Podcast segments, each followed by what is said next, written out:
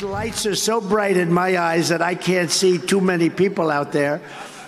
But uh, I can only see the black ones. I can't see any white ones. You see? That's how far I've come. That's how far I've come. I got indicted for nothing, for something that is nothing. They were doing it because it's election interference. And then I got indicted a second time, and a third time, and a fourth time. And a lot of people said that that's why the black people like me, because they have been hurt so badly and discriminated against. And they actually viewed me as I'm being discriminated against. It's, it's been pretty amazing. I'm being indicted for you, the American people. I'm being indicted for you, the black population. My, the mugshot, we've all seen the mugshot. And you know who embraced it more than anybody else? The black population. It's incredible. You see black people walking around with my mugshot. You know, they do shirts and they sell them for $19 a piece. It's pretty amazing. Millions, by the way, millions of these things have been sold. So, a bunch of racism there on top of a lie about the assault on our democracy. I got indicted. Ja, je hoorde een compilatie van Morning Joe. En daarna hoorde je natuurlijk Mika Brzezinski, een van de presentatoren van Morning Joe. En samen met haar panel sprak ze er schande van dat Donald Trump racistische grappen had gemaakt voor een publiek van zwarte Amerikanen. Ja, en naar alle standaarden hè, van normale Amerikaanse eh, presidentscampagnes en presidentskandidaten is dat natuurlijk ook wel zo. Het is ongekend dat een presidentskandidaat of een president voor een publiek van zwarte Amerikanen gaat staan en vervolgens zegt van ja, ik heb dan wel een, uh, een boevenplaat van mezelf hè, moeten laten maken, een mugshot. Maar ja, daar weten jullie alles van. Dat, hè, jullie weten ook hoe dat is om uh, voor niks gedaan te hebben, toch de gevangenis hè, ingestuurd te worden of door de politie opgepakt te worden. Een grapje te maken over het feit dat ja, door al die belichting ziet hij eigenlijk alleen maar zwarte mensen, alle witte mensen ziet hij niet meer. allemaal van dat soort dingen. hij heeft later ook op een gegeven moment gezegd dat die sneakers die hij op de markt heeft gebracht, nou, ja, die zijn natuurlijk met name populair bij African Americans, want ja, die lopen altijd op sneakers alsof die niet normale andere schoenen kunnen dragen. Nou ja. Allemaal van dat soort dingen. Tegelijkertijd weten we dat Trump natuurlijk iedere vorm van politieke uh, gravitas, hè, zoals we het in Amerika zeggen, gravitas, iedere vorm van uh, politieke zwaartekracht overstijgt. hij heeft een veroordeling en hij stijgt in de peilingen. Hij maakt iemand belachelijk, hij stijgt in de peilingen. Nou ja, zo kan ik nog wel even doorgaan. Dat is ook het eerste waar ik aan denk als ik dit zie. Er zijn heel veel Amerikaanse media geweest. Nou ja, laat ik één stap terug doen. Laat ik even uitleggen waar deze uitspraak is gedaan en wat de context is. Uh, Trump heeft deze uitspraak gedaan bij een uh, benefietavond. ik dacht dat het zondag was, kan ook maandag geweest zijn. Voor een groep zwarte conservatieve Amerikanen. Volgens mij heet die groep ook zo: Black Conservative Federation uit mijn hoofd. Ehm, en ja, dat is gewoon een conservatieve republikeinse club bestaande uit zwarte Amerikanen die ja, die dus binnen de Republikeinse Partij verenigd zijn en lobbyen voor allerlei uh, dingen die zij belangrijk vinden. Zo zijn er talloze clubs die je misschien niet uh, normaal gesproken, als je de Europese media volgt, 1, 2, 3 bij de Republikeinse Partij zou uh, bedenken. Je hebt ook de Log Cabin Republicans, de Blokhut Republikeinen. Dat is een groep van homoseksuele Republikeinen, misschien tegenwoordig wel LHBTIQ. Dat weet ik niet, maar nou, die, die, dat zijn dan gay Republicans die zich verenigd hebben in, uh, in die club. En vervolgens ervoor zorgen dat hun belangen binnen de partij behartigd worden. En ja, daar kan Trump dan eventueel ook komen spreken. En zo is het dus ook bij de zwarte Republikeinen gebeurd. Dat heeft Trump gedaan. Uh, en ja, Trump is natuurlijk Trump. En dat zeggen ook alle Republikeinen die vervolgens in allerlei praatprogramma's wordt gevraagd. En wat vindt, wat vindt u, u hier nu van? Hè? deelt u onze kritiek ook? Vindt u het ook belachelijk? Et cetera, et cetera. En dan zeggen zij, ja, Trump is een showman. En dat is helemaal wat Trump doet. Maakt grapjes met het publiek. En dan gaat hij soms het randje over. Maar het was zeker niet racistisch bedoeld. Ik denk overigens dat ze daar ook gelijk in hebben. Uh, uh, Trump uh, gaat niet expres racistische uitspraken doen voor een grote groep zwarte republikeinen, die hij ook gewoon nodig heeft om in november de verkiezingen te kunnen winnen. Dat hij vervolgens een paar grapjes maakt waarvan menig politiek adviseur zou zeggen: doe dat nou niet, dat is ook waar. Maar ja, ik heb als ik dit soort dingen zie, en ik kijk dus ook al die praatprogramma's, waaronder Morning Joe, maar ook veel andere programma's. Ik lees veel Amerikaanse kranten en daar wordt unaniem ja, de afschuw uitgesproken over wat Trump daar gedaan heeft.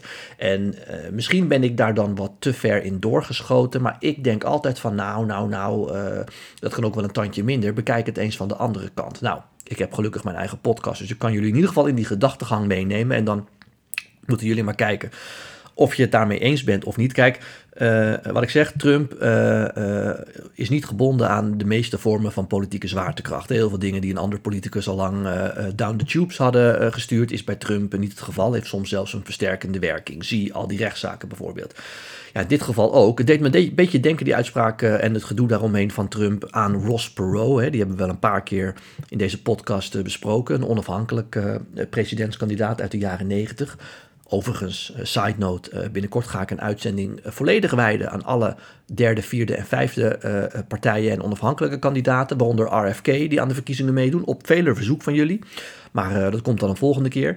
Maar Ross Perot in de jaren negentig, die had toen ook een keer voor een groep zwarte uh, Amerikanen een speech gegeven. En die zei toen één of twee keer, nou ja, zoals jullie soort mensen wel weten, hè, as you people might know. En ja, als je dan een aantal keer you people zegt, dan is dat niet heel handig. Dat is zelfs één keer al niet heel handig om te zeggen tegen een bepaalde bevolkingsgroep in Amerika. En daar is toen heel veel kritiek op geweest. Nou, bij Trump zie je die kritiek nu ook, omdat hij toch een aantal dingen zegt waarbij je je wenkbrauwen kunt doen fronsen. Maar ja, nogmaals, ik denk dan, bekijk het ook eens van de andere kant. We hebben hier te maken met sowieso A, dat is de groep in de zaal. Een groep zwarte uh, republikeinen, die houden van Trump. Je hoort dat ook in de fragmenten, daar wordt gewoon om gelachen.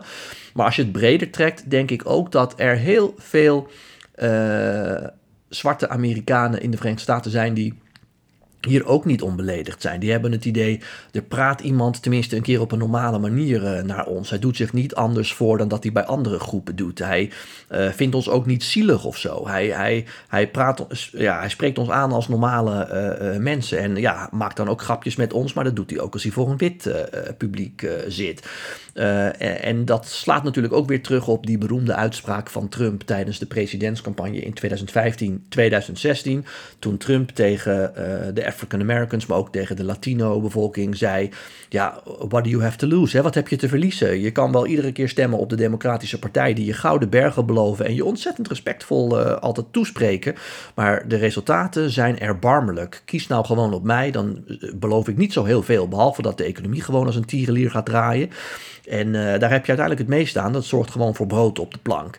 En dat zorgt ervoor dat ook de leefomstandigheden in de inner cities, zoals ze dat dan zeggen, hè, dus in de binnensteden echt, waar heel veel zwarte Amerikanen uh, in de grote steden traditioneel gezien wonen, ja, dat ook daar de levensomstandigheden uh, verbeteren. Nou, tegenwoordig, Trump heeft eigenlijk dezelfde boodschap nog, maar tegenwoordig voegt hij daar ook aan toe.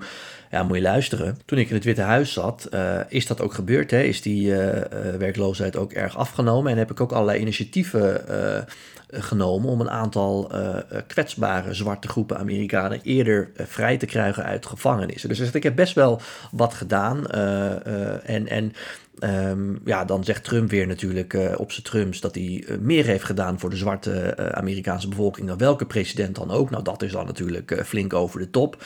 Um, hij zegt ook dat hij het beter dan welke kandidaat ooit doet met zwarte Amerikanen. Nou, ook dat is over de top. Maar het is wel zo dat, nou ja, zwarte Amerikanen, maar ook andere minderheidsgroepen die stemmen in eh, in, in grote mate op de Democratische Partij.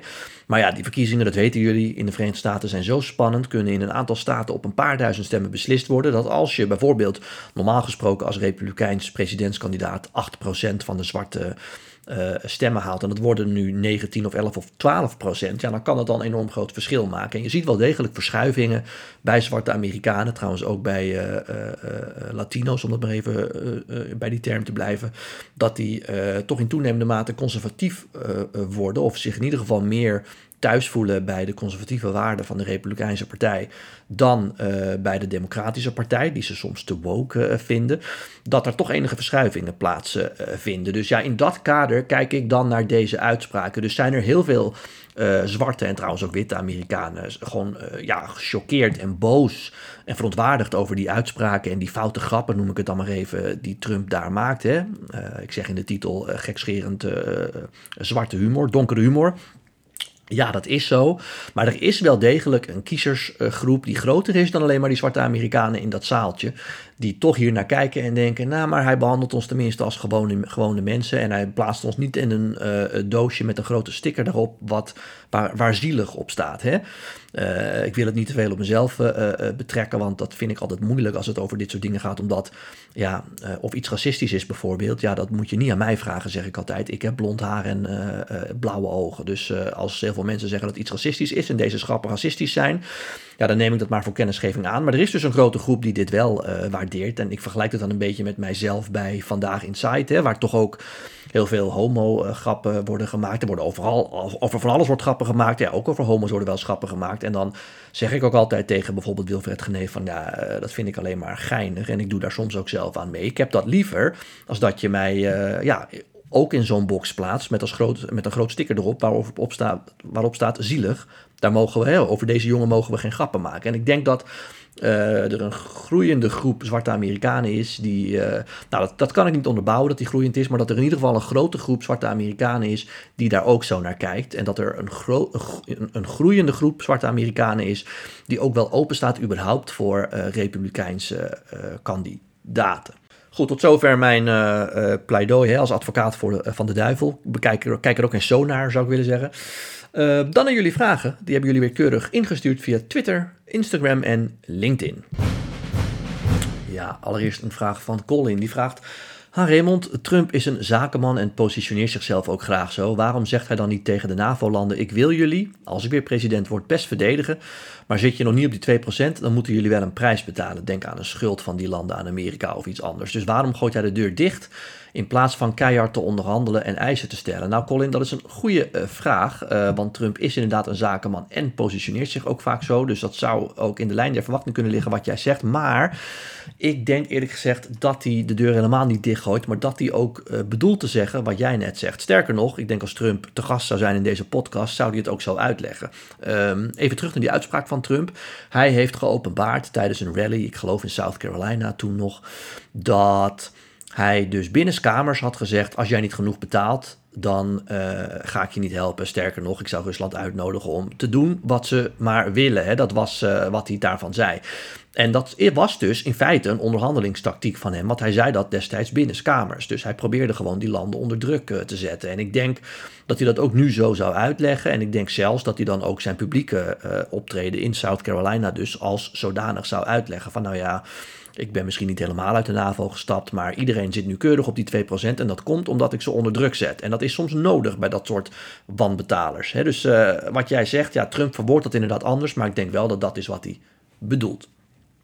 Goed, uh, Cas, die vraagt, hoi Raymond, Weet jij toevallig waarom Donald Trump altijd YMCA gebruikt als campagnenummer? Uh, ja, ik denk dat te weten. Althans, de specifieke reden, Cas, waarom hij dat nummer gebruikt, weet ik niet. Ik weet dat hij daar in 2020 mee begonnen is met de YMCA. Er worden altijd een reeks van uh, ja, opzweperige nummertjes afgespeeld. En uh, in de nadagen van die campagne is hij daar een beetje op gaan dansen. Hè. Dat is ook wel in heel veel Amerikaanse media opgepikt. Sterker nog, uh, er kwamen heel veel filmpjes van op TikTok en op Instagram en Facebook en dergelijke van Trump, die dus uh, ja, best wel jovel aan het dansen is op de YMCA. En sindsdien is dat een soort ja, geuzennummer geworden voor de Trump-campagne, omdat hij daar dus zo op dansen en daar zorgen weer, er komen allemaal memes van en dergelijke.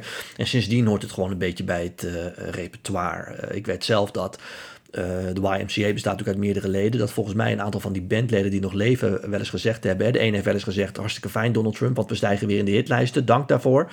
Maar een ander heeft weer gezegd, ja, ik heb liever niet dat hij het gebruikt, want ik steun hem niet. Maar goed, uh, wij kunnen er qua copyrights niks aan doen, dus het is nou helemaal zo. Dus het zorgt ook wel voor verdeeldheid volgens mij binnen, binnen de Village People die nog leven. Maar ja, het is gewoon een soort een soort uh, campagne classic geworden van Trump. Die natuurlijk over het algemeen ook weinig nummers kan afspelen in een campagne. Want er zijn wel heel veel artiesten die over hun eigen songs hè, en over hun eigen copyrights gaan. En vervolgens zegt, zeggen: Ik wil niet dat je mijn nummer gebruikt. Hè. Dus volgens mij heeft Trump ooit een keer Tom Petty en de Heartbreakers gebruikt. toen hij in 2015 voor het eerst ooit zijn campagne begon en van die gouden roltrap afkwam. En die hebben toen meteen gezegd: kap daarmee. Dus hij heeft eigenlijk maar een paar nummers, met name van country-artiesten. Lee Greenwood, hè, God Bless the USA. Dat nummer wordt altijd gespeeld voordat hij opkomt, die hij over heeft. En ja, de YMCA is dan een populair nummer wat hij ook kan gebruiken. Dat is dus populair op sociale media en daarom gaat hij daar mee door. Dan nog een vraag van uh, Cas. Uh, zal Romney nog een kans maken op een herverkiezing als senator, aangezien ik in uh, jouw boek lees dat zijn herverkiezing in 2024 zal moeten plaatsvinden? Als ik daarbij in gedachten houd dat Trump kanshebber is voor de presidentsnominatie, lijkt me die kans klein. Ja, Cas, die kans is inderdaad klein, maar ik heb nieuws voor je. Mitt Romney heeft al gezegd met pensioen te gaan. Hij is op leeftijd. Ik denk dat hij uh, ook rond het bijna richting de 80 al gaat inmiddels. Dus dat speelt mee, zegt hij. Hij wil meer tijd met zijn familie in uh, Salt Lake City doorbrengen. Er zijn vele kinderen en nog veel meer kleinkinderen die hij heeft. Hij is natuurlijk mormoon, dus heeft groot gezin. Uh, maar ook zal meespelen dat hij misschien wel zo goed als kansloos is om herkozen te worden. Hoewel Utah toch een vrij onafhankelijke signatuur heeft, heeft Romney wel ervoor gekozen om uh, voor de afzetting van Trump te stemmen. Hè? Dus om Trump te impeachen. Dus daar krijgt hij nog een zware kluif aan bij eventuele voorverkiezingen. Dat heeft hij niet afgewacht. Hij heeft dus al zijn pensioen aangekondigd. Goed. Dank voor jullie vragen weer. Ik heb nog een hele lijstje staan, dus heb je jouw vraag nou niet teruggehoord, dan heb ik hem echt nog wel keurig hier staan. En daar kom ik echt nog wel aan toe, maar dan in een volgende podcast, want de tijd zit erop. Alleen nog even een kleine reminder dat op remomens.nl de actuele speellijst van uh, mijn theatercollege staan, die dus in september van start uh, gaat. Dus heb je je tickets nog niet geboekt, doe dat snel, want ik heb van de week met de producent gezeten en de tickets gaan lekker. Daar ben ik heel blij mee, maar dus ook een reminder dat je er dan redelijk snel bij moet zijn. Goed, tot zover weer. Dank dus nogmaals voor al jullie vragen. Blijf die sturen, want dan beantwoord ik ze weer in een volgende podcast. Tot zover, tot dan.